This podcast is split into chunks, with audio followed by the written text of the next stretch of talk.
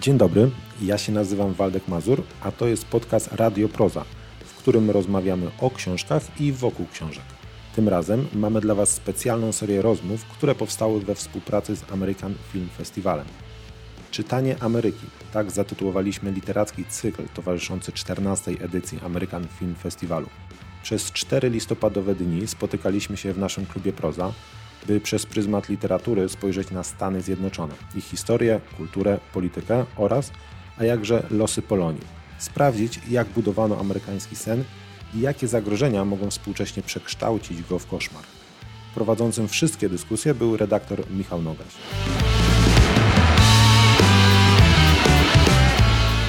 A w dzisiejszym odcinku zapraszamy do wysłuchania rozmowy z Ewą Winnicką, która opowiadała o najbardziej polskich miastach w Stanach. Udanego słuchania.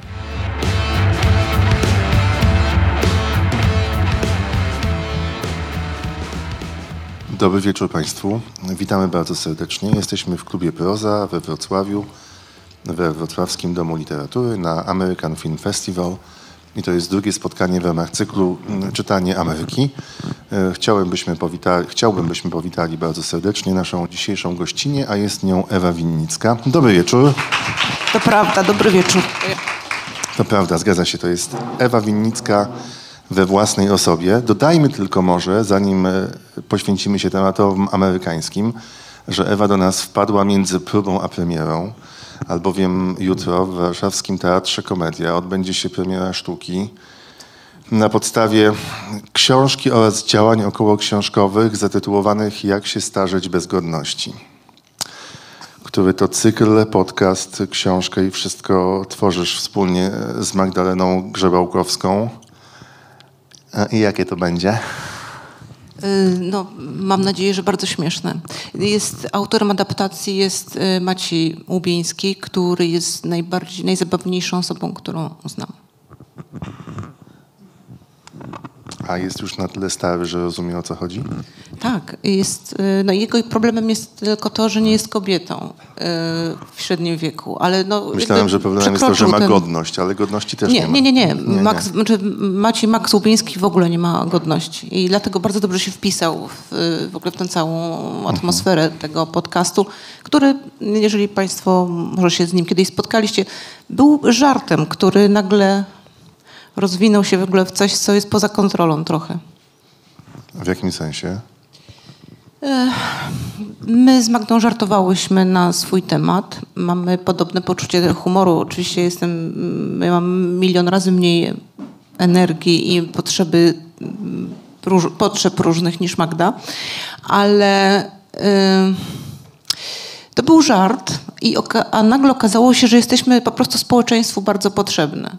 Znaczy społeczeństwo potrzebuje trochę humoru i dystansu, zwłaszcza kobiety, myślę. W kwestii przemijania. W ogóle w kwestii życia jako takiego, które jest licho warte i jest warte obśmiania, myślę. Czyli trochę filozofia też tu wjeżdża. Tak, głęboka filozofia stoi za nami. Tak. No dobrze, a powiedz, czy w Ameryce są takie podcasty? Spotkałaś się z takimi formami działalności, jakie wy uprawiacie? Myślę, że takie podcasty są na pewno, ponieważ jak wiemy, w Ameryce jest wszystko, co tylko chcesz. Tak się wychowaliśmy w takim przekonaniu, że w Ameryce jest wszystko, więc na pewno takie podcasty też są. Wczoraj- Chociaż nie wiem, czy aż tak śmieszne jak nasz, to tego to nie wiem. No nie, bo są po angielsku, to nie są tak śmieszne. Tak, po Ale wczoraj rozmawialiśmy tutaj z Magdą Działoszyńską-Kossow o wyborach, zresztą o to też cię zapytam na zakończenie. No i ona mówiła e, taką rzecz, która mm, niby jest oczywista, ale z drugiej strony też brzmi to wstrząsająco, no, że nie widzi zbytniej szansy na reelekcję Joe Bidena, bo on po prostu jest za stary. Y, Znaczy w ogóle nie ma takiej możliwości moim zdaniem. Y, Jestem przekonana, że wygra Donald Trump, jeżeli nie pójdzie wcześniej siedzieć. Jeżeli pójdzie do więzienia, to zostanie momentalnie świętym świeckim, amerykańskim, bardzo dużej części społeczeństwa. Dobrze, to do tego wrócimy na zakończenie. Teraz, ponieważ cykl nazywa się Czytanie Ameryki i jesteśmy e, mm, imprezą towarzyszącą e, przy, czy towarzyszącą 14 American Film Festiwalowi, to chciałem Cię zapytać, tak jak e, będę to robił względem wszystkich bohaterek spotkania. Czy ty w ogóle czytasz Amerykę? To znaczy sięgasz po literaturę amerykańską, ona cię interesuje, czy nie masz na to czasu?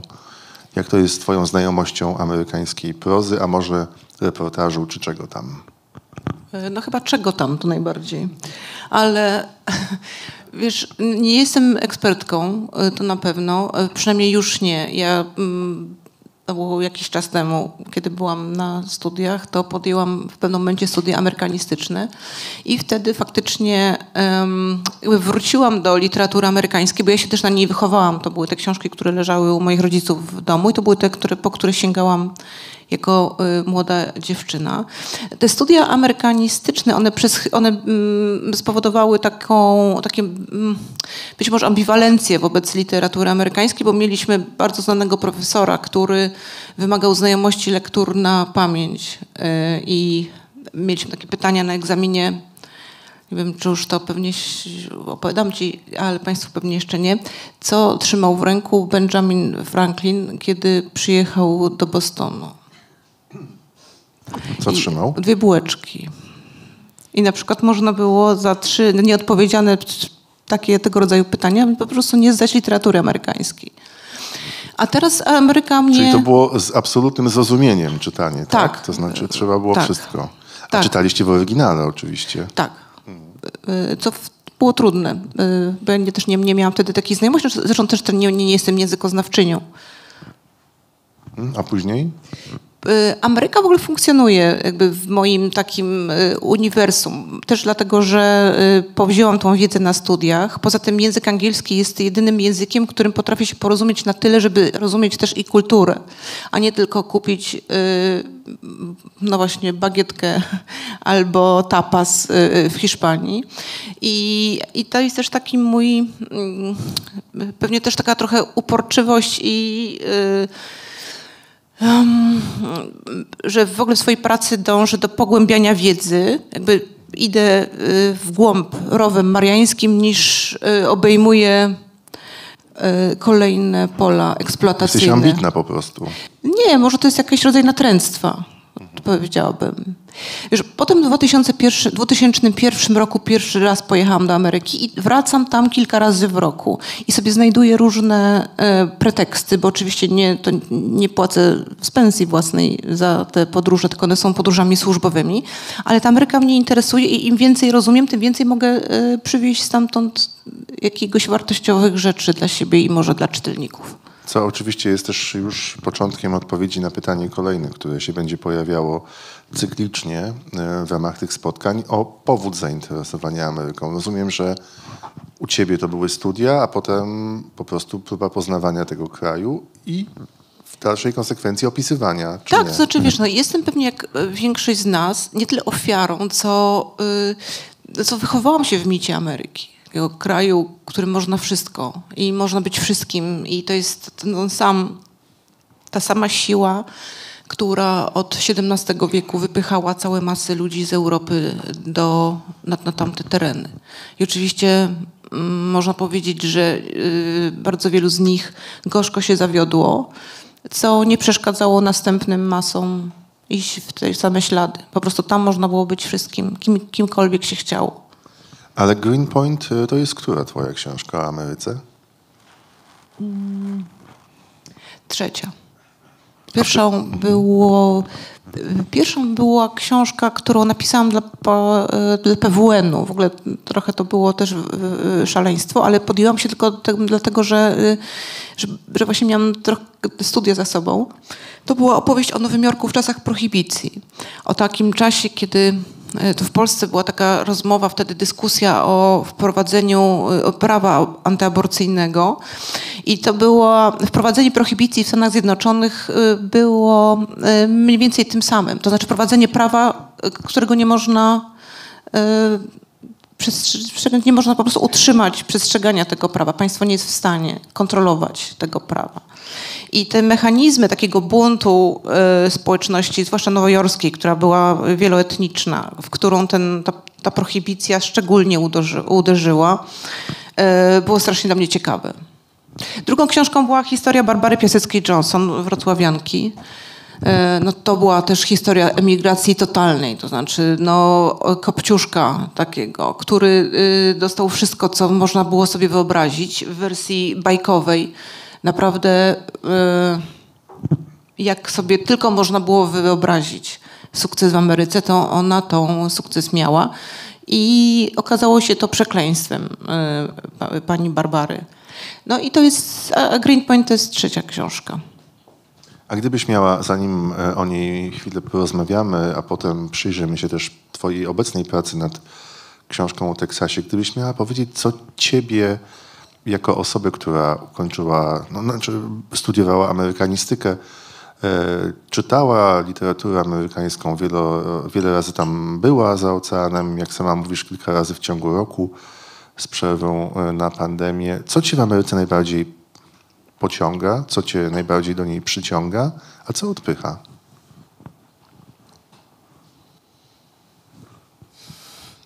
Co jest wspaniałe w Ameryce, może to nie jest odpowiedź, która ci, e, która ci to jest może odpowiedź, która cię zaskoczy, bo w Ameryce y, najbardziej, największe wrażenie robi na, na mnie przyroda amerykańska.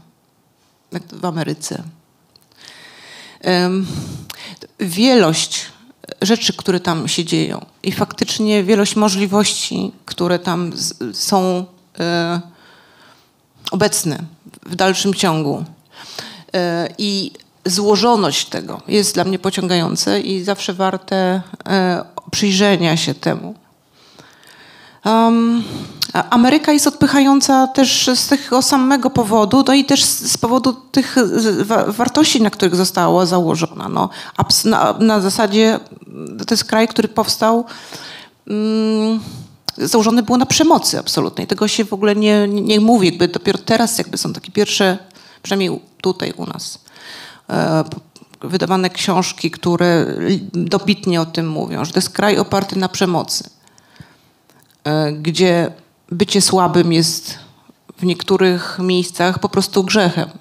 Ten, kto jest słaby, jest gorszy. Wiesz, no to jest coś bardzo trudnego. To jest coś, co um, ja rozmawiam z wieloma osobami, które wyjechały z Polski, właśnie wiedzione tym mitem, które się zderzyły właśnie z taką Ameryką, a które cały czas racjonalizują, że jednak to jest kraj wielu możliwości. Być może teraz jestem przejechany przez życie absolutnie, ale żyję w kraju wielkich możliwości. To jest też niesamowite.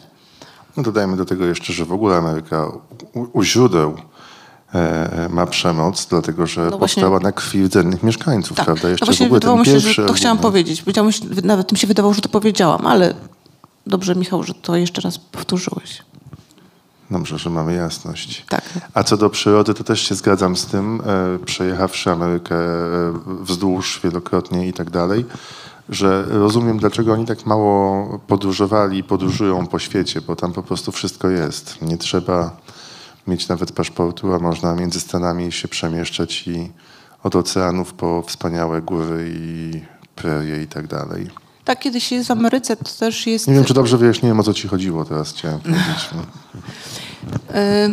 Ja w ogóle, będąc osobą wątpiącą, ogólnie tak mogę o sobie powiedzieć, bardzo. Ja zrozumiałam, zwłaszcza tam na południu Stanów, w tych południowych, południowym zachodzie, potrzebę takiej duchowości i obecności Pana Boga w ogóle w życiu. Znaczy bez Pana Boga tam się po prostu nie da. Dlaczego? E, dzisiaj oglądałem świetny film na festiwalu Córka Sterlingów. To jest opowieść z Kentucky o bardzo konserwatywnej wspólnocie żyjącej wokół lokalnego kościoła i pastora, mm, która no, w ogóle wszystko coś świeckie odrzuciła, łącznie z tym, że słucha tylko muzyki e, takich współczesnych piosenek chrześcijańskich. Świat się dookoła toczy, są wielkie miasta gdzieś niedaleko, a oni żyją właśnie w takim zupełnie konserwatywnym, w pełni poddanym Jezusowi świecie. Skąd taka potrzeba? Mm. Ja nie wiem, ja bym te, i oczywiście to jest ta pierwsza wiara, z którą przyjechali chrześcijanie do y, Ameryki.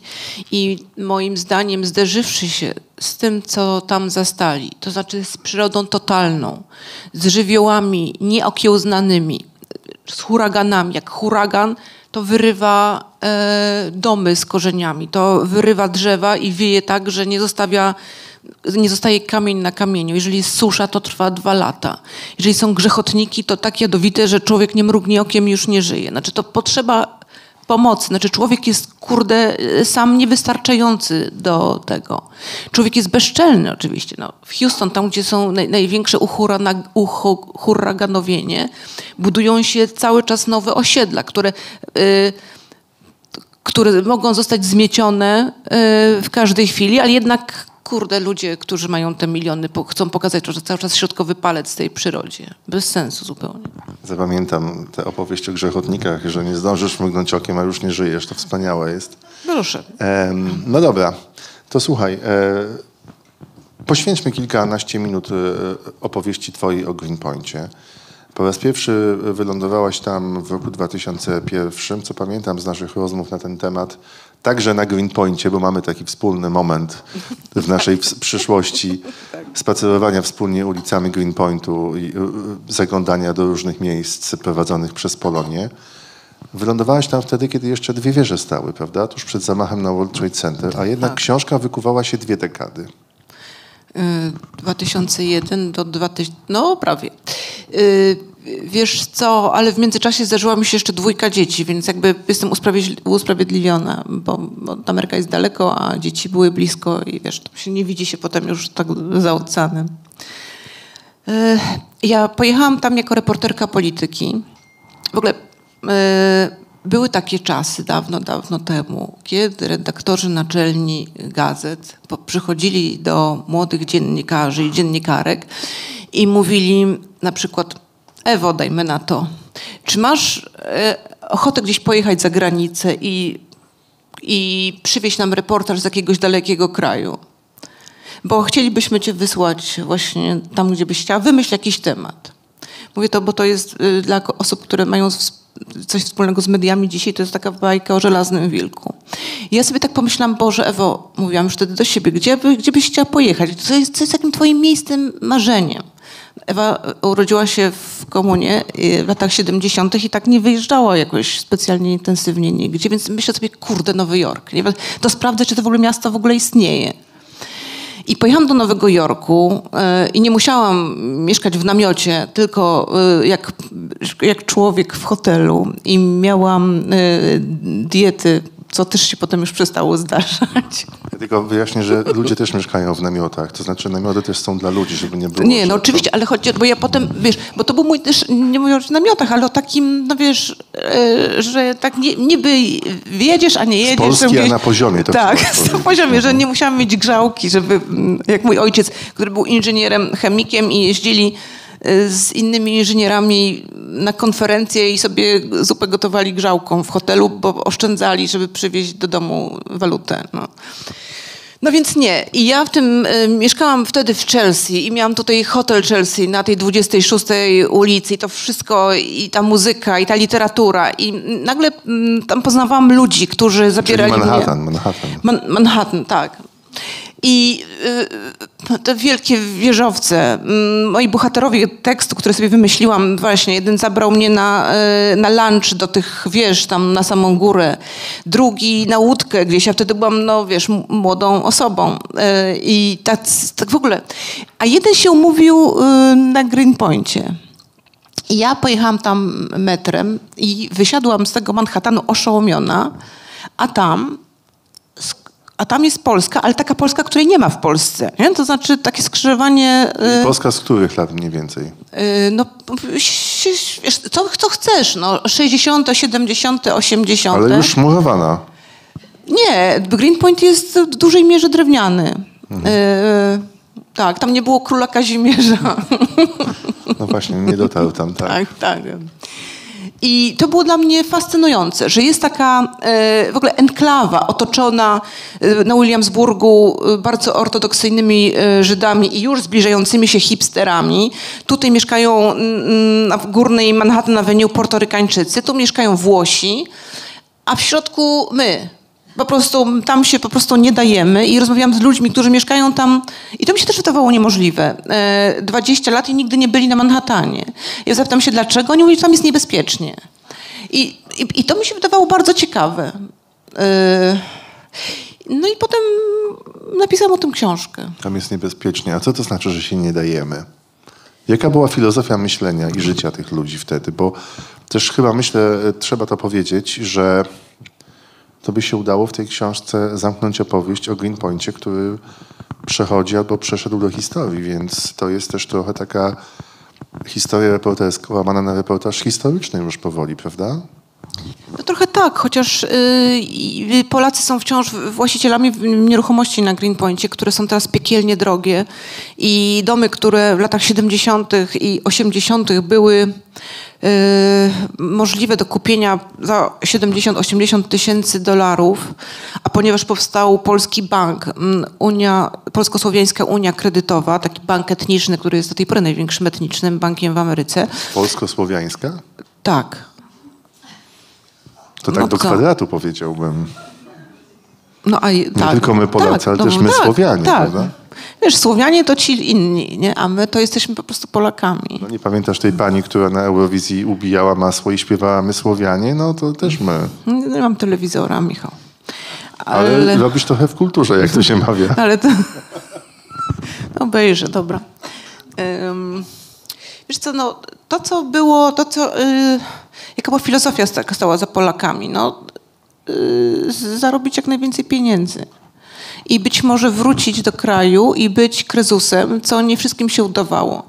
Bo zawsze trzeba było tych pieniędzy e, mieć coraz więcej. Trudno było powiedzieć stop, że to już jest dużo, wystarczająco. Mamy traktorów y, w Polsce, ale potem rodzili się ci synowie, których się zostawiało w Polsce, dorastali i oni też potrzebowali mieć swojego, swój traktor albo dużego Fiata, jak byli bardziej wyemancypowani. Czyli ci, którzy byli tam na Greenpointie, Tak, pracowali, po tak. prostu wysyłali dewizy Tak, do Polski, tak. Wszyscy najbliżsi się dzięki temu mogli Tak. ustawić w życiu, tak? Żeby, mm, żeby to się udało, trzeba pracować morderczo. W Ameryce pracuje się e, morderczo. Ja mm, podaję często przykład mojego serdecznego kumpla, którego tam mam, który kiedy e, czasami umawiamy się na 20 gdzieś, na przykład idziemy całą grupą gdzieś na spacer albo do kina, no do kina to nie, ale raczej, bo na drinka, częściej, dobra. To on mówi, okej, albo do teatru, tak, chodzimy do teatru. To mówi, dobra, to się jakoś urwę wcześniej z pracy wtedy, nie? Żeby na 20 gdzieś y, zdążyć. No 21 to jest tak, tak się y, kończy pracę. I w związku z tym, że ci ludzie przyjeżdżali, mm, myślę o, o, o, na, o naszych i pracowali tak strasznie ciężko, to, to nie mieli nawet kiedy y, zamerykanizować się jakkolwiek, wiesz, wejść w tą, y, to środowisko, wżyć się w, w Amerykę. Zresztą Greenpoint od początku swojego istnienia był takim pierwszą bramą do Ameryki. Y, Tam ci, którzy nie mieli pieniędzy, albo nie mieli znajomości, albo nie mieli takiej wiedzy, żeby pojechać y, w głąb y, kontynentu i być może kupić ziemię i zostać farmerem, albo zostać posiadaczem ziemskim, albo hodować bydło, albo to oni trafiali do tego, do fabryk, które tam na Brooklynie, Brooklyn zawsze był takim underdogiem Manhattanu, to w tym y, brooklińskiej enklawie zostawia, zostawali. Greenpoint z powodu tego, że był zawsze emigranckim, bardzo biednym miejscem, był, przez wiele lat był w ogóle najbardziej zanieczyszczonym miejscem w Stanach Zjednoczonych i Co najbardziej fajnie koresponduje z śmierdzącym. nazwą, prawda? Tak. Zielony punkt, a tam syf. Tak. Y, Ja taki, kilkanaście lat temu była taka wielka afera związana z tym, że y, British Petroleum y, pękło rurę na, na Atlantyku, blisko chyba Meksyku i była taka wielka plama ropy i cały świat podniósł wtedy wielkie larum, że y, no, Brytyjczycy zatruli y, mm, ocean. To, co dwa razy y, pękło na Greenpointie, było dwa razy większe niż to, co się wylało w, na, nad Atlantyku. Do tego stopnia, że mm, tam nie można było przez wiele lat i i teraz nie, nie, raczej nie należy niczego hodować, żadnych roślin takich jadalnych, na przykład tam się nie je niczego, co na Greenpointie się y, wyhodowało, Mm, ponieważ byli tam emigranci, którzy niespecjalnie byli y, targetem polityków, bo wielu z nich było nielegalnych, zwłaszcza kiedy to była mała Polska, to mm, politycy, czy w ogóle władze y, Brooklynu, czy też Nowego Jorku później nie miały problemów z tym, żeby tam umieszczać oczyszczalnie ścieków, no, takie różne rzeczy, wysypiska na śmieci. To nie było takie miejsce mm, prestiżowe specjalnie do życia. I mm, wiele lat miarą sukcesu było nie mieszkanie na Greenpointie. Jeżeli ktoś by był na Greenpointie i potem mógł się wyprowadzić, czy też na Queens, a już na Manhattan to w ogóle, to znaczy, że odniósł sukces. To teraz to się absolutnie zmienia. Teraz bez 3000 dolarów miesięcznie w ogóle nie można myśleć o wynajęciu mieszkania tam. To jest dużo Bo bo nie ma takich.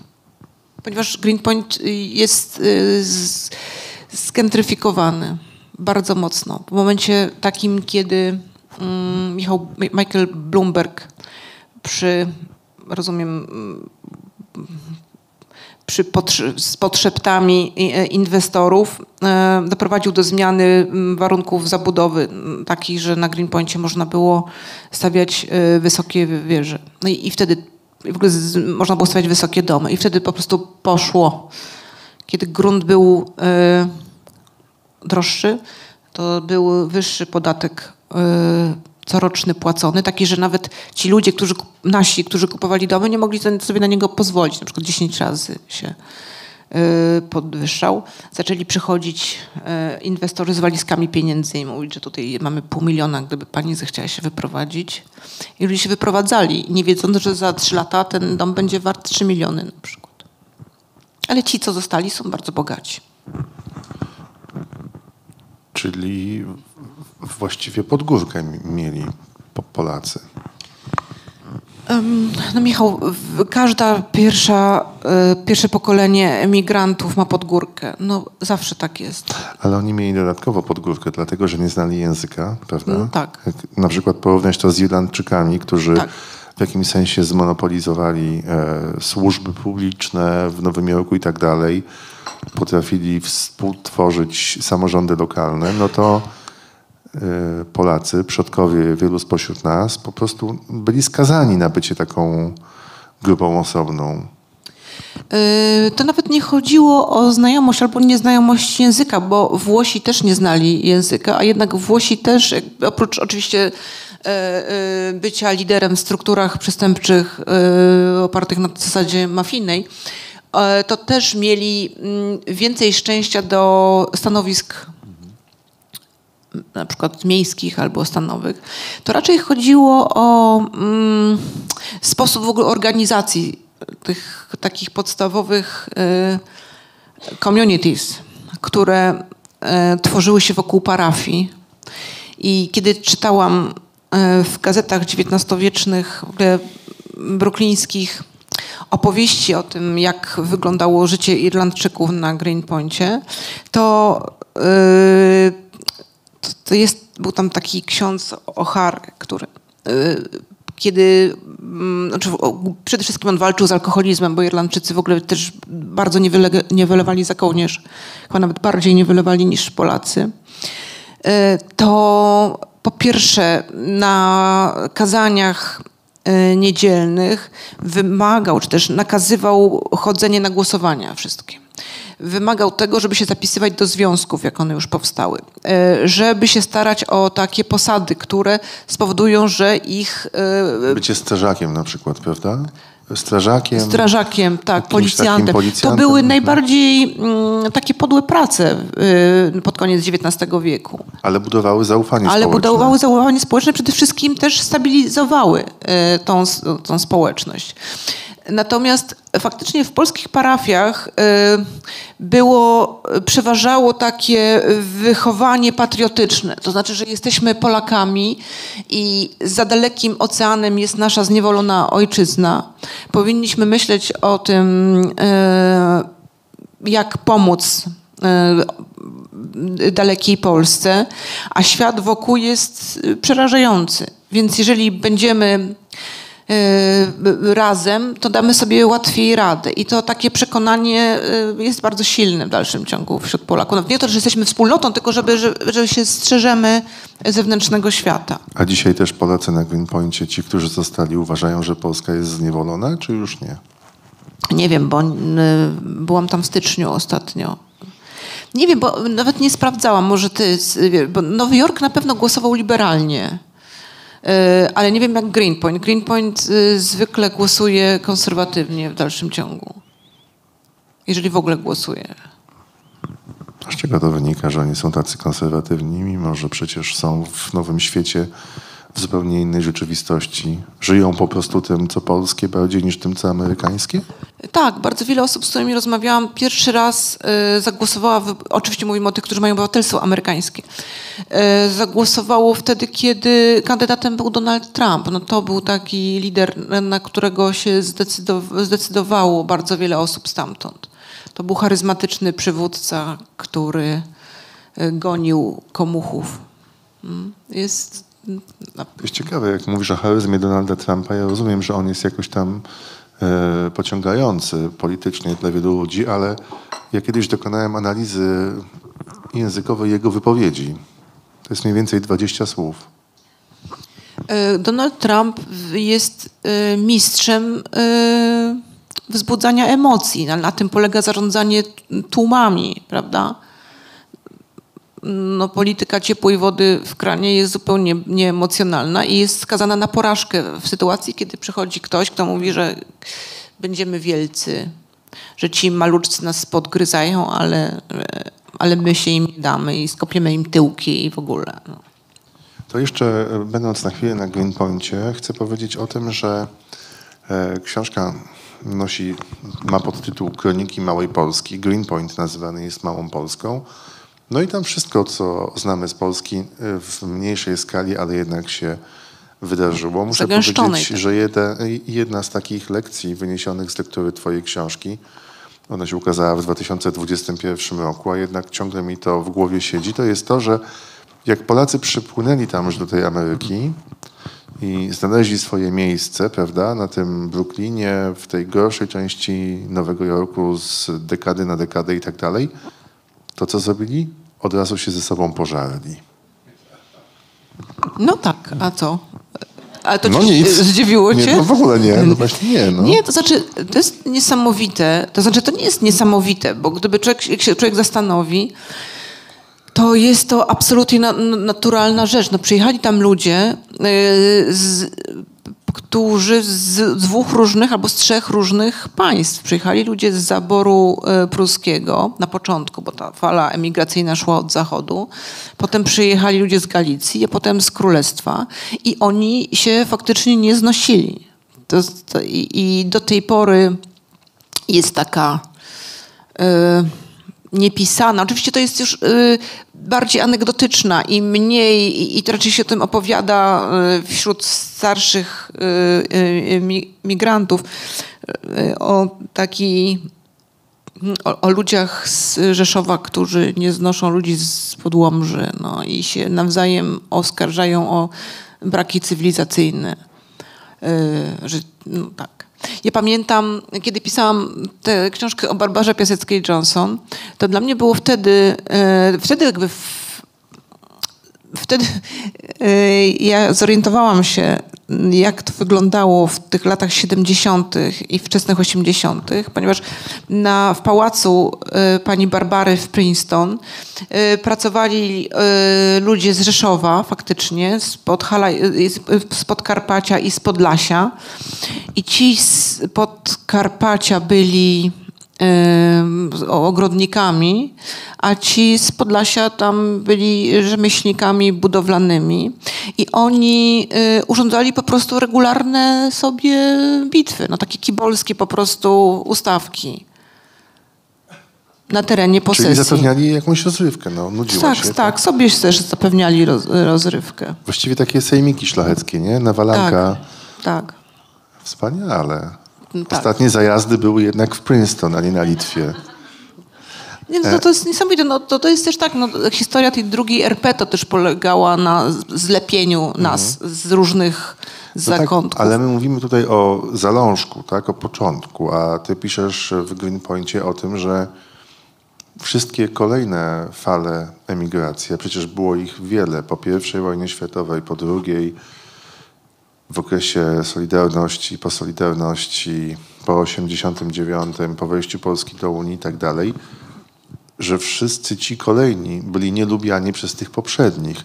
Czy to wynikało z tego, że oni widzieli e, w nich jakiś rodzaj zagrożenia, czy po prostu uważali, że to jest ich i z nikim już nie będą się dzielić? To było tak, to znaczy wiesz, to też jest zupełnie naturalne. To jest też, jak wiesz, porozmawiałbyś z socjologiem, który zajmuje się migracją, to dla niego jest to oczywiste, że przyjeżdżają ci pierwsi e, ludzie w XIX wieku i muszą wyrąbywać dla siebie miejsce, e, nie wiem, duchowieństwo polskie walczy z irlandzkim, który dominuje i które też nie znosi tych nowych, którzy też nie mówią po ludzku w żadnym wypadku i y, I budują kościoły. Te kościoły są niesamowite na Greenpointie, prawda? Te, te, te polskie. Są, ludzie mieszkali naprawdę w podłych warunkach, ale kościoły budowali imponujące. Z każdej y, pensji oddawało się na kościół po to, żeby on, żeby on y, jakby był wizytówką tej, tej społeczności. Y, Budowało się domy polskie, czyli takie miejsca, gdzie ci Polacy mogli się spotkać. Nie wiem, były później potańcówki, były kluby polityczne. I, a, a potem w 1914 roku tam y, działało się niepodległościowo, tam się też zbierali, przyszli y, Halerczycy. No i ta Polonia bardzo powoli, ale jakby ok- ok- okrzepła. No i potem mamy taką dużą, wielką falę po II wojnie światowej. E, I to są e, głównie oficerowie, którzy już są wychowani w drugiej RP, no i przyjeżdżają po tej II wojnie światowej i widzą takich no, chłopów, którzy co prawda mają e, kościół, ale po prostu w ogóle się nie umieją zachować. Są super religijni, co dla tej fali powojennej już było takie no, e, zaskakujące, ale mają pieniądze. No i to jest też taka, no... I są w lepszej sytuacji finansowej niż ci oficerowie, prawda? Oczywiście, tak. Nie, no ci oficerowie są w gorszej sytuacji finansowej. No tak, to właśnie mówię, że oni są No a potem, bez- e, tak, a potem mamy tą falę lat 80., którzy- ludzi, którzy przyjeżdżają, 70. i 80., którzy pracują głównie nielegalnie i widzą tych, te dwie poprzednie, dwa poprzednie pokolenia, które mają już swoje domy, są, mają, kształcą dzieci, no i też ich nie znoszą. A te pokolenia, które widzą tych solidarnościowców, którzy się na tych y, azbestach i w tych podłych warunkach i nie mają y, ze sobą rodzin i nadużywają alkoholu, to też myślę sobie, kurde, kto to jest, nie? Czy to są Polacy? Poza tym są przekonani, że ta migracja lat 80. jest totalnie zinwigilowana przez, y, przez wywiad sowiecki i polski, więc też są ta, takie nieufności. Więc te, rozumiem, te fale interesów i y, są y, te trajektorie na, na, się przecinają się w różnych miejscach. W tej książce, mm, Ewa, to mówię dla tych spośród Państwa, którzy jeszcze Greenpointu nie czytali, a książkę można kupić e, tutaj w prozie i wziąć autograf od e, autorki po spotkaniu. Właśnie wczoraj byłam w komedii, a dzisiaj w prozie. Tak. Jutro dra- właśnie boi, boję się, że jutro będzie dramat właśnie tej komedii. Clever. Żeby pani nie wykrakała. No, epickie tutaj są dzisiaj teksty, tak. naprawdę. Chcę powiedzieć, że e, jest tu bardzo wiele głosów ludzi z Greenpointu, także głosów e, w cudzysłowie archiwalnych, no bo Ewa przeprowadziła bardzo mocną, silną kwerendę, właśnie sięgając do e, prasy greenpointskiej z XIX i początku XX wieku, więc to wszystko jest mm, fascynujące i to jest naprawdę Polska w pigułce, w pigułce właściwie w pigułce. Ale chciałem Cię na koniec tej części rozmowy greenpointskiej zapytać o to, czy no, znikanie tego świata jest jakimś rodzajem szansy dla Polonii nowojorskiej. Ameryka polega na tym, że kto tam przybywa, to szuka sposobu, żeby został wessany, prawda? Wrzenia się, e, zawiązuje interesy spółki z ludźmi e, innych narodowości. To wszystko zaczyna być takim miksem trudnym nawet do wyobrażenia. Polacy żyli pod kloszem, który sami sobie stworzyli przez dekady, e, przez ponad e, dwa stulecia. Teraz muszą opuścić albo opuszczają, bo ich nie stać e, Greenpoint i gdzieś się rozmywają w, tej, w tym krajobrazie nowojorskim. To lepiej czy gorzej? Ale to zależy Dla kogo? dla kogo. Jakbyś mógł sprecyzować. Chodzi ci o ideę Polski, Tak, chodzi mi o ideę tej małej Polski. ale małej Polski czy w ogóle Polski? Małej Polski, Polski, polskości i Polonii.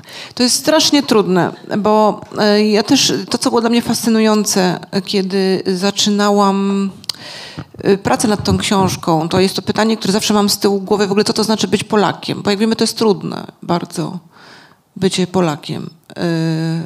Tak generalnie. A za granicą jest jeszcze trudniej.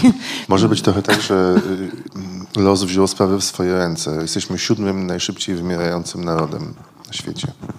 Jezu. Ale to może jest jakaś naturalna, wiesz, y, taka, wiesz, że się eliminuje tych, co robią najwięcej Którzy mają problemów. trudno. Którzy mają trudno.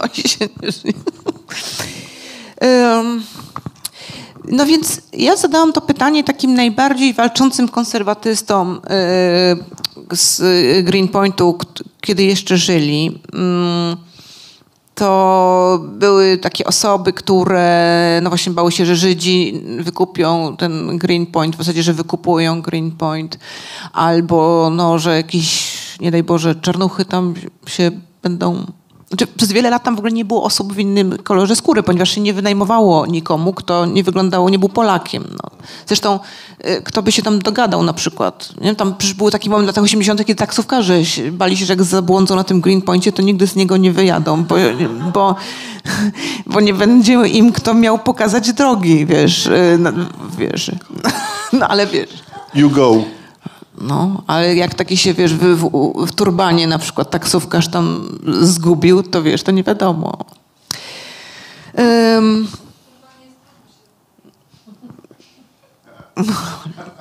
Nie wiem. Słuchaj, widzisz, musisz, masz tutaj dzisiaj bardzo y, celne riposty z publiczności, więc musisz uważać. Może po prostu osoba nie władająca językiem polskim, gdyby się zgubiła, tak? miałaby by kłopot, tak. nie wyjechałaby. No, no, ale I pomyślałam sobie tak, że żeby ta mała Polska została na y, Greenpoincie, czyli no, Polacy mają domy, y, mają, są polskie sklepy i Polacy się tam osiedlają, no to musiałyby zaistnieć dwa warunki. Po pierwsze, e, ta, ten Bank Polski powinien w dalszym ciągu dawać tanie kredyty e, osobom, takie preferencyjne kredyty Polakom, którzy chcą kupić dom na Greenpoincie, a polscy landlordowie taniej wynajmować Polakom, żeby nie płacili tych rynkowych cen. I wtedy by Polacy byli na Greenpoincie. Ale jak się Państwo domyślacie, żaden z tych warunków nie został spełniony, bo oczywiście, jeżeli można wynająć za 4 tysiące yy, mieszkanie, to dlaczego wynajmować za półtora tysiąca, prawda? To jest yy, logiczne. Więc myśmy sobie sami, no jakby samiśmy się zniknęli z tego Greenpointu. Ale to oczywiście 4 nie znaczy, że... Miesięcznie dolarów za Tak, tak. No, myślałeś, że rocznie, Michał? Nie, nie wiem, może kwartalnie, no nie. To, tak teraz próbuję sobie wyobrazić, ile trzeba zarabiać w Nowym Jorku, żeby było kogoś stać na czynsz 4 tysiące za wynajem.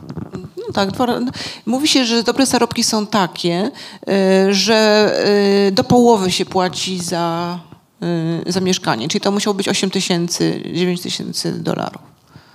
W ogóle to jest nie- niewyobrażalne y, trochę chyba są sumy. Oczywiście no, bardzo jest w, tych, w Ameryce i Nowym Jorku jest też wiele takich programów preferencyjnych. No, są mieszkania y, takie, gdzie są czynsze zam, zamrażane, no, są mieszkania preferencyjne dla artystów. No, y, oczywiście dla emeryci płacą mniej. To nie jest tak, że wszyscy tam muszą tyle zarabiać, bo nie zarabiają. A kto się teraz wprowadza na Greenpoint? Mm, No jest ta taka klasa, o której z- społeczna, e, o której, na, na, której nasi najbardziej, którą nasi naj, najpierw na, na samym początku zauważyli i byli tacy nieprzekonani. E, To są zamożne dzieci bogatych z prowincji które przyjeżdżają na studia albo są artystami. Tacy, którzy nie muszą y, po prostu pracować jak, y, jak nie wiem co, y, od rana do wieczora. Tylko mogą no, dbać o to, żeby mieć dobrze wywiniętą czapeczkę wełnianą, wiesz, żeby kawa miała latte, miała, była z soczewicy eko, Wiesz, te rzeczy, które dla, które dla naszych były abstrakcją bardzo długo. No tak, to, to światy na pewno się nie spotkają nigdy ze sobą. A teraz się przenieśmy. e, Pamiętasz nasza wspólna znajoma y, Iza Bary, która pracowała w bibliotece na Greenpointie, y, która nie znosiła tych Amerykanów, którzy przychodzili i oglądali polskie książki y, w, w, w bibliotece w dzielnicy polskiej i mówili, och, awesome, book in, book in Polish. Ojejku, niesamowite, zobaczcie, książka po polsku. Tacy byli pełni takiego dobrego zdziwienia. Nie wiem, myśleli, że może Polacy nie mają liter, nie wiem, to jest, wiesz, was. to- Mam też fajną anegdotę a propos y, jeszcze tej siły naszej społeczności. Poznałam takiego y, fotoreportera, y, foto, fotoreportera, y, który był wy, wysyłany na wiele wojen. Y, Taki bardzo fajny, żwawy 60-latek y, który w czasie pandemii, y, jadąc z, przed pandemią, albo jakoś szybko, z Brooklyn Heights, czyli z takiej bogatej dzielnicy y, Brooklynu gdzieś, chyba na Manhattan, y, po prostu zabłądził, wysiadł w metrze nie tam, gdzie trzeba i y, no i go to zaskoczyło, to co zobaczył też. To znaczy metro na Avenue. E, I te sklepy, tam jest apteka e, obok, gdzie tam też jest bardzo fajny, zabawny asortyment taki. No. I mówi tak do mnie, Ewa, wiesz, ja się tym nie zdziwiłem, no bo ja jednak byłem w Pakistanie, w Afganistanie i ja te wszystkie takie mniejszości etniczne to jednak nie są dla mnie takie dziwne, ale nie mogłem zidentyfikować języka. I zainteresował się e, właśnie tym naszym skawałkiem, skrawkiem Nowego Jorku i fotografuje też ludzi. No i tak, po to, żeby taką dziwność oswoić. Czyli w dalszym ciągu jesteśmy jakby odrębni, co jest fajne. No ja wiem. Mm, Dobrze. To teraz przenieśmy się na południowy zachód, mile, mile od y, Greenpointu. W przyszłym roku będzie twoja kolejna amerykańska książka. Tytuł już jest? No wiesz, ja sobie wymyśliłam tytuł y, Jak budowaliśmy Dziki Zachód. Y, Historia śląskich kolonii w Teksasie. Śląskich kolonii. Tak. A skąd ten temat ci się y, pojawił? A, już mówię, znaczy we Wrocławiu, w Opolu, w Strzelcach to nie jest nic y, nadzwyczajnego. To jest temat, Państwo pewnie jesteście świadomi, prawda? No jak nie? No, obecności tego, że Śląsk, były śląskie kolonie w Teksasie. Nie. No okej, dobrze, to się dowiecie. Haha, no, Zacznijmy od początku. Zatem. Tak. Y, Podczas pracy nad tą książką o Greenpointie y, przeczytałam bardzo ciekawe y, siedmiotomowe, to jest ciekawe, wymagające dosyć dzieło księdza Wacława Kruszki, który w 1905 roku przemierzył Amerykę dokumentując wszystkie polskie parafie w Stanach Zjednoczonych. To dzieło nosi tytuł Historia polskich parafii w Ameryce. Sześć tomów, tak jak, tak jak powiedziałam. I ja y, przez te, y, oczywiście interesowały mnie wtedy parafie nowojorskie i oczywiście tam te w ogóle takie historie właśnie walki polskich księży z księżmi irlandzkimi są fascynujące, ponieważ y, ksiądz Wacław Kruszka był w ogóle niepoprawny politycznie, bo wtedy jeszcze nie znał tej poprawności politycznej i też uważał, że pokazywanie nawet tego złego, co się dzieje, służy dobru. W ogóle wręcz przeciwnie niż jakby potem te tendencje się zmieniły. I e, tam jest w tomie e, szóstym, jeżeli dobrze myślę, są polskie kolonie w Teksasie i to mnie zaciekawiło, za, za, polskie parafie w Teksasie. I to mnie zaciekawiło, bo wydawało mi się ten Teksas, e, no wiecie z czym się kojarzy Teksas, z kowbojami, z Indianami, Z karą śmierci. z karą śmierci, z tym z prawem, od, w, w, z prawą sądową Roe versus Wade. E, czyli tym precedensem nieszczęsnym, który został cofnięty. O aborcji mówimy. O aborcji, tak. E, Aż to nagle jest opisana historia polskiego księdza, który literalnie, e, tak jak jak się Coś szczury, na flecie Flet? się Tak. grało i ludzie za, szli za takim szczurołapem, prawda? Tak jest, jest opowieść. To wywiózł na, do y, Teksasu całą wioskę z Polski, żeby założyć polskie kolonie. I ci ludzie z kołdrami, z krzyżem z parafii, z ziarnami pszenicy, e, wsiedli na statek w Bremen, korzystając już z powstałych wtedy kolei. Najpierw Wrocław-Bremen, potem Bremen-Opole. No, łatwiej już im było niż na przykład tym emigrantom później, 20-30 lat później z Królestwa Polskiego, którzy z kapcia musieli pokonywać te wszystkie granice. E, I wylądowali w Houston, mm, potem w India, nie w, Houston, w Indianoli, e, w Galveston, tak. Czyli, to, czyli w porcie, który jest e, na południe od Houston. E, I ten ksiądz nie przyjechał po nich w ogóle na ten, y, do tego Teksasu, no ale wiedzieli, że muszą iść na północ i poszli na północ i to była zamiast kościoła i y, wioski, do której mieli pójść, było nic.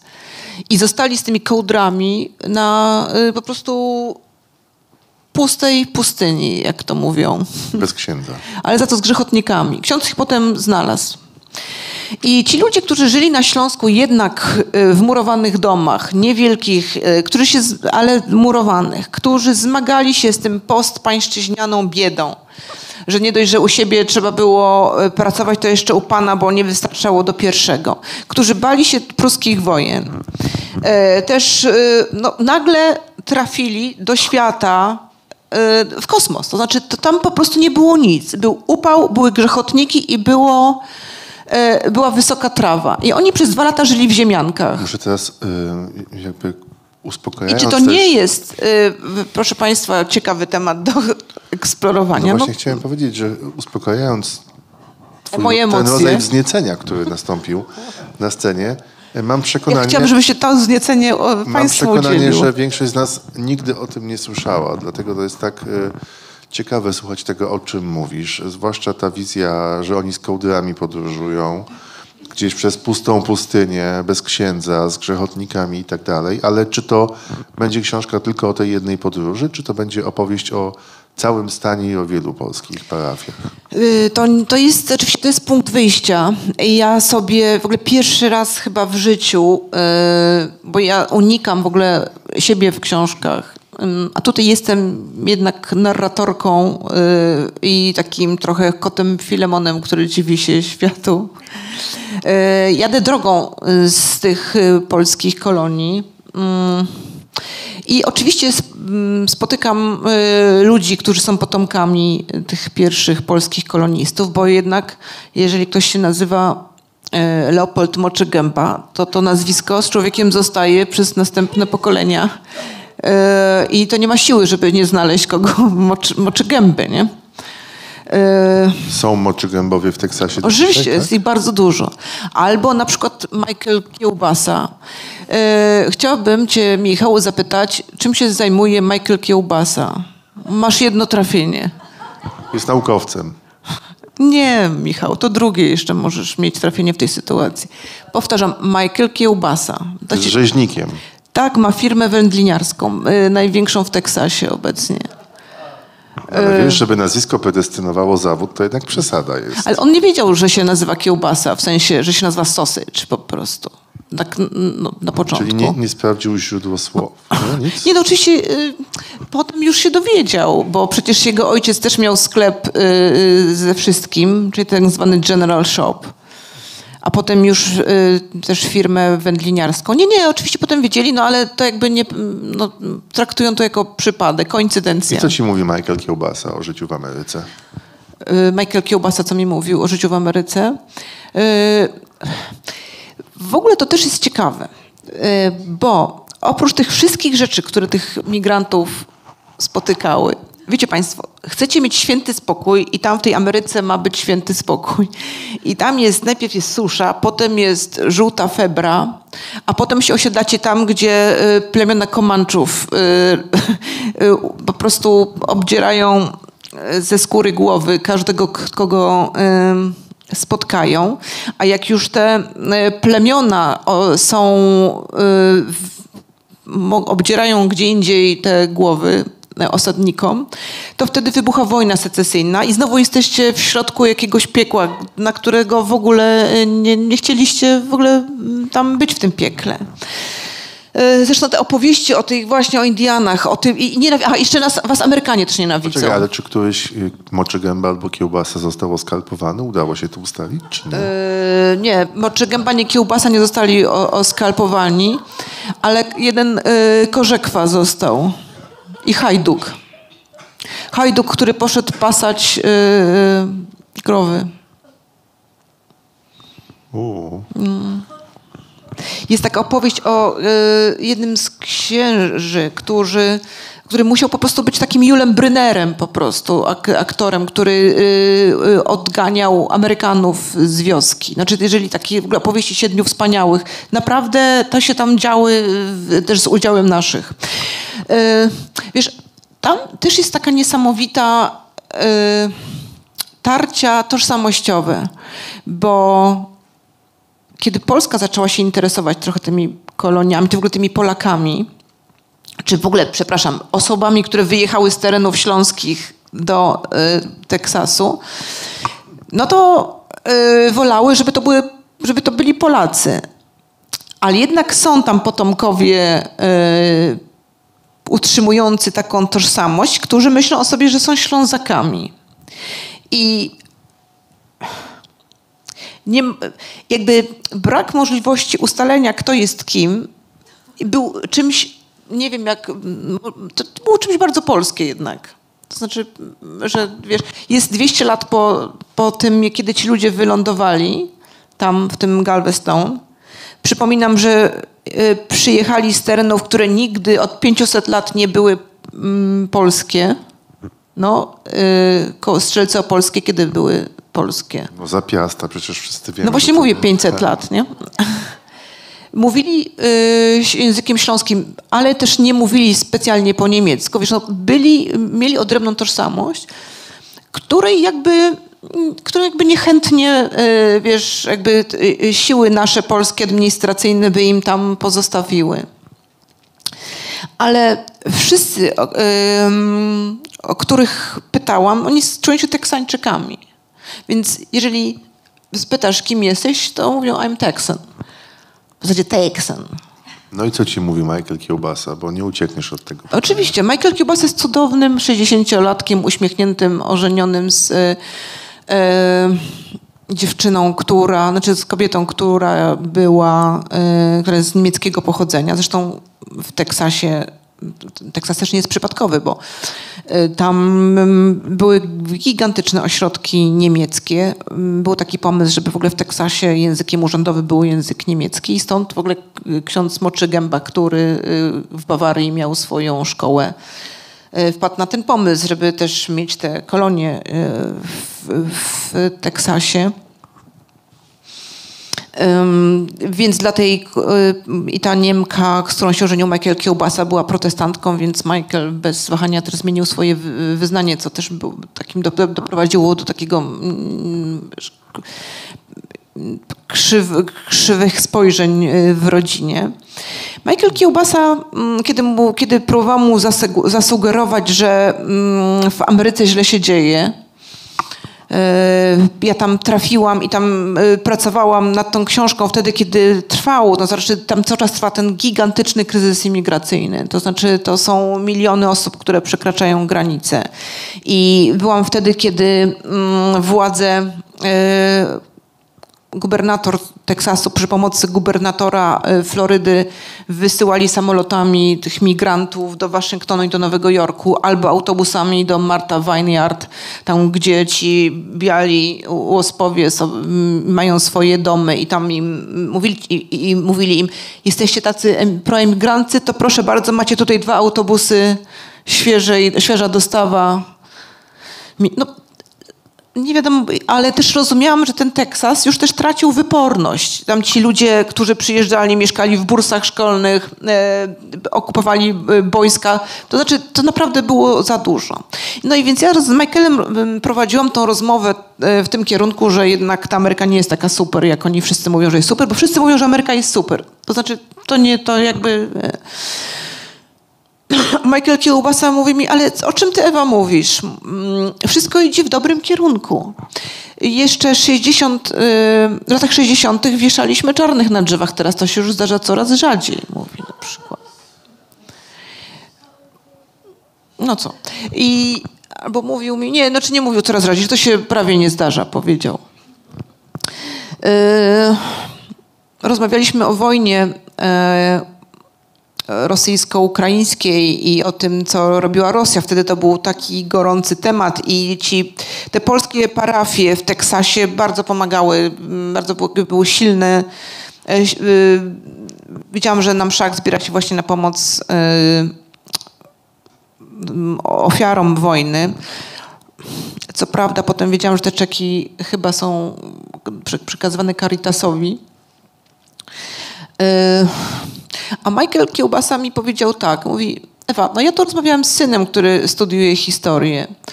Yy, I a mój syn mówi mi tak, tato, a gdyby Meksyk teraz yy, zaczął się dogadywać z Chinami, które by powiedziały Meksykowi, hej, Meksyku, może chciałbyś być yy, terytorium zależnym od nas, my byśmy ci tutaj przysłali uzbrojenie i my byśmy cię chronili to mówi syn Michaela Kiełbasy, tato, no to co my byśmy zrobili jako Ameryka? Przecież musielibyśmy zareagować jakoś.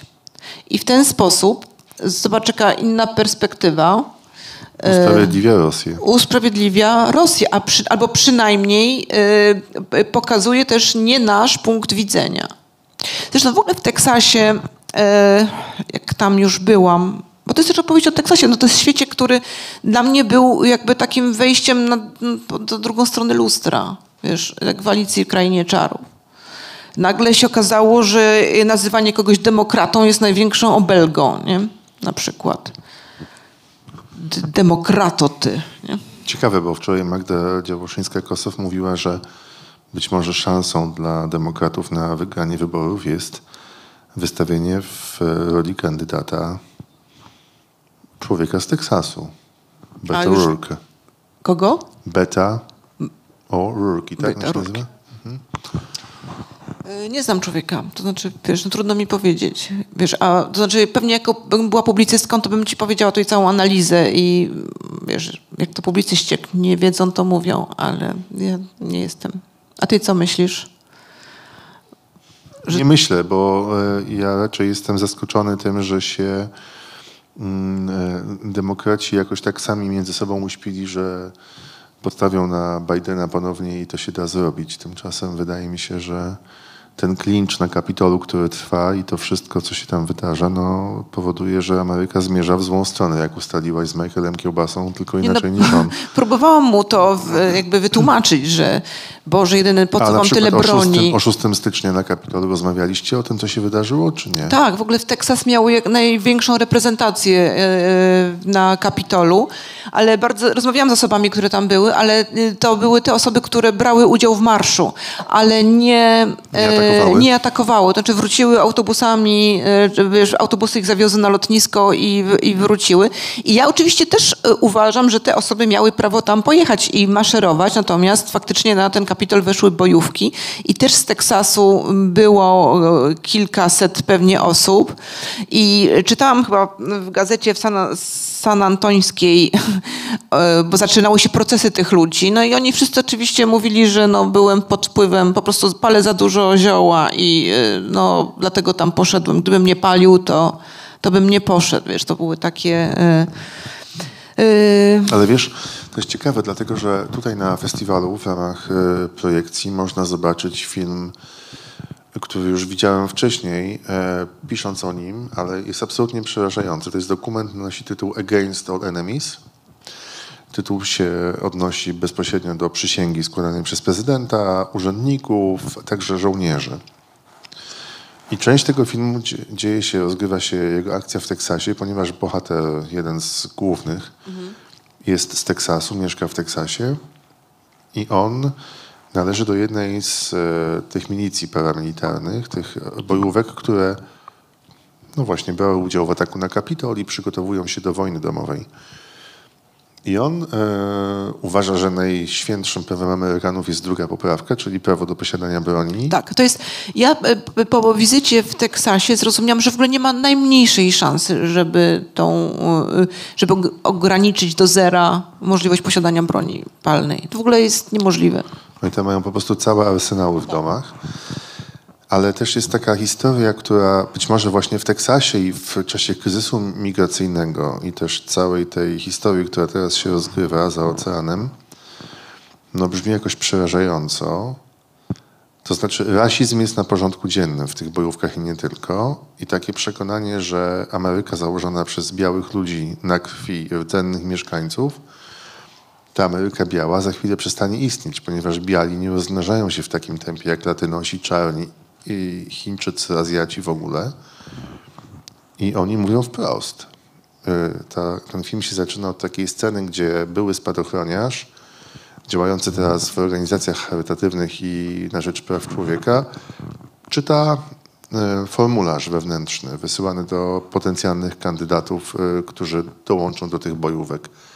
I tam jest napisane, czy jesteś w stanie walczyć przeciwko swoim byłym braciom, złamać przysięgę i tak dalej że no, to jest niesamowity jakiś rodzaj tragedii dla tego państwa, że te organizacje wewnątrz terrorystyczne, a Ameryka nie ma prawa dotyczącego domestic terrorism, ma tylko tego, które dotyczy organizacji międzynarodowych, że to są ludzie świetnie wyszkoleni przez rząd, przez państwo, mający prawo dostępu do broni, e, będący absolutnie nacjonalistami, ludźmi o prawicowych poglądach, i oni mówią, że jeżeli w 2024 roku nie odzyskają Ameryki, to poleje się krew i będzie wojna domowa.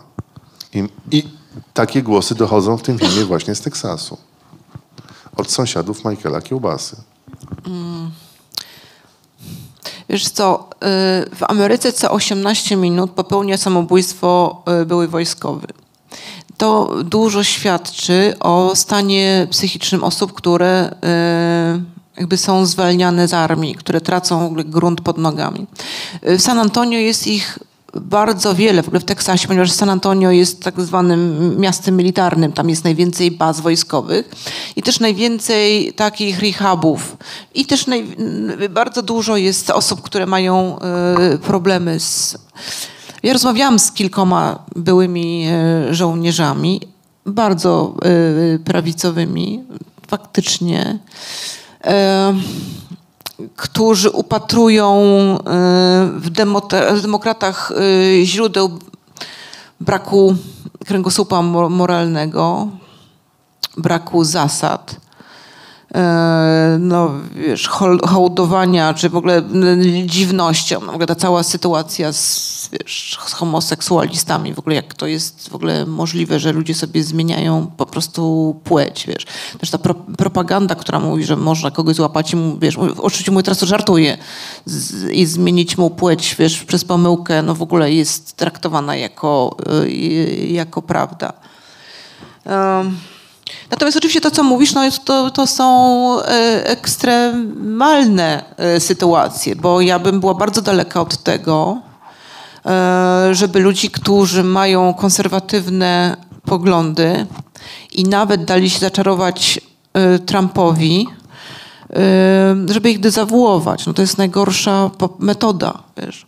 Jak myślę o takiej też pogardzie, czy też takiego strachu zmieszanego z pogardą, którą właśnie mm, odczuwałam w rozmowach z moimi y, znajomymi, którzy mieszkają w Nowym Jorku, Amerykanami, no to to w ogóle też nie jest droga, żeby ten kraj był y, zszyty. No.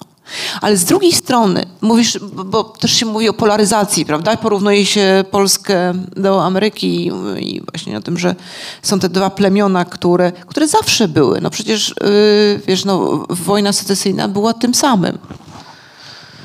E, wojna, która wybuchła o, o to, że są niewolnicy, po prostu mają być, wiesz, e, mają mieć jakieś prawa mm, obywatelskie.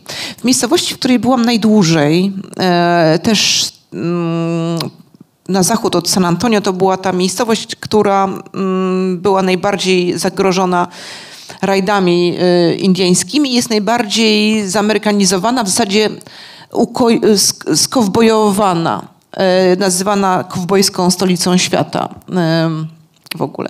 I w tej miejscowości jest e, gazeta lokalna.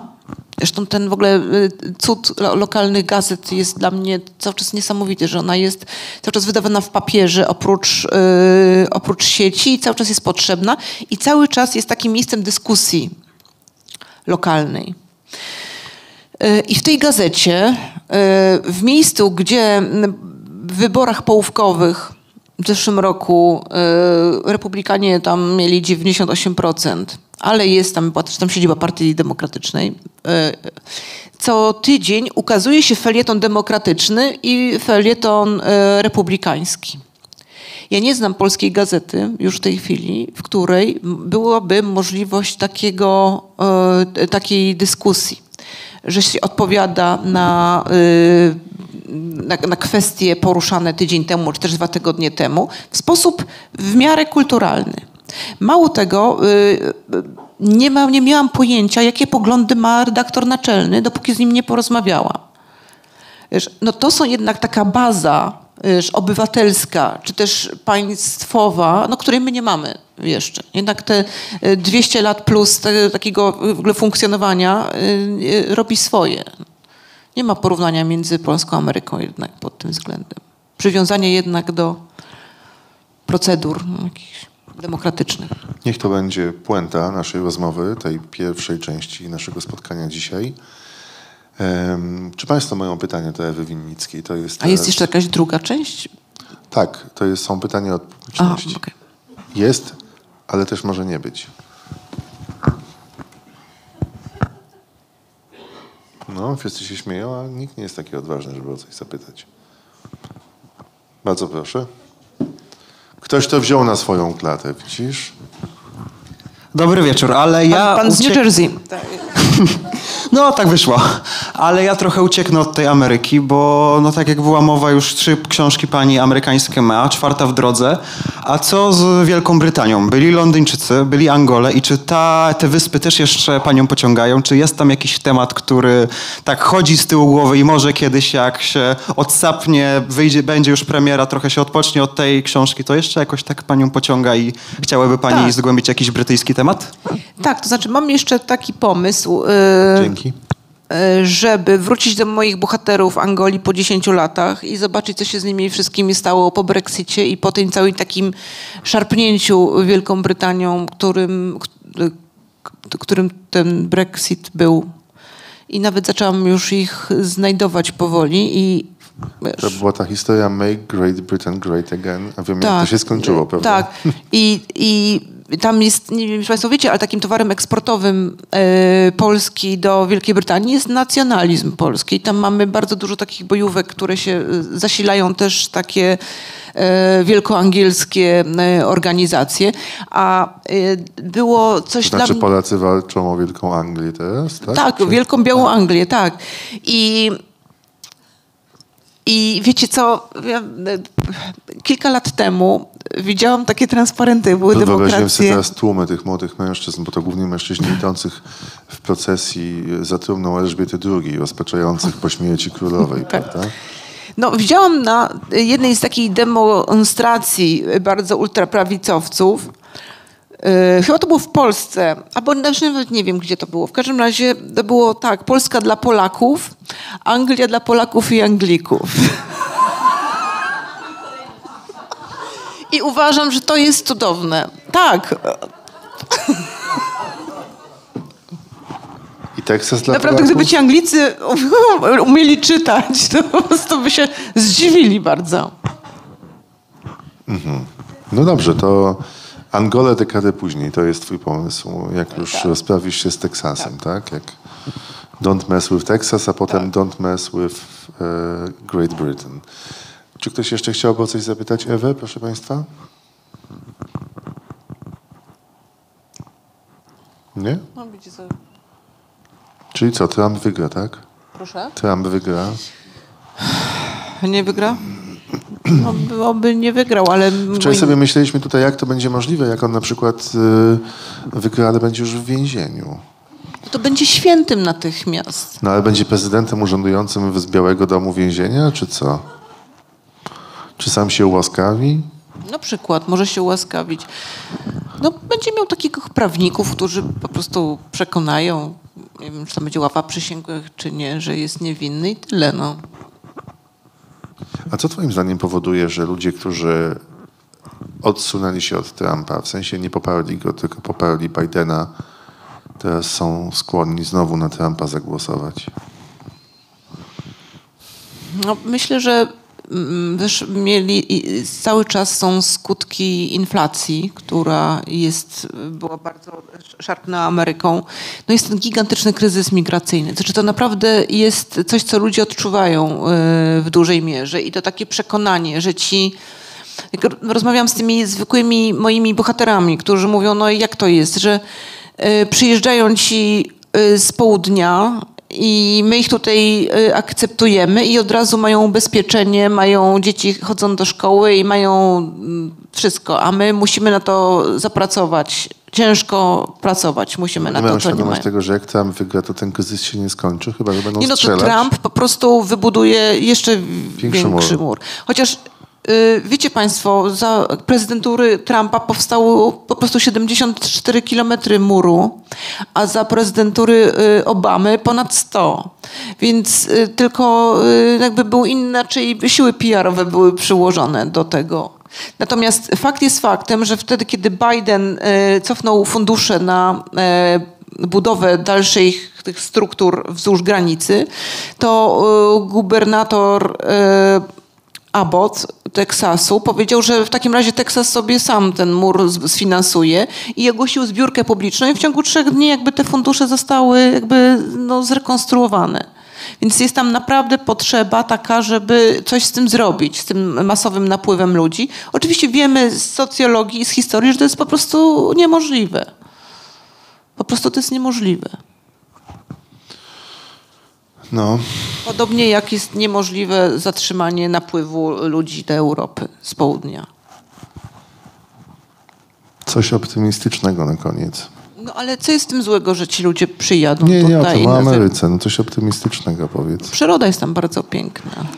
Nie, to znaczy, wiecie co, nie, tak państwo, się nie, nie, bo ja bym, ja, bym, nie, ja bym chciała też powiedzieć, że ja zupełnie e, z takim, oczywiście w tym Teksasie e, do, b- dziwiły mnie i też przerażały takie rzeczy, jak to, że w klubie strzeleckim, do klubu strzeleckiego przychodzą sześciolatki uczyć się strzelać, nie? żeby tak, żeby w ogóle wiedziały, jak się strzela. E, no, taki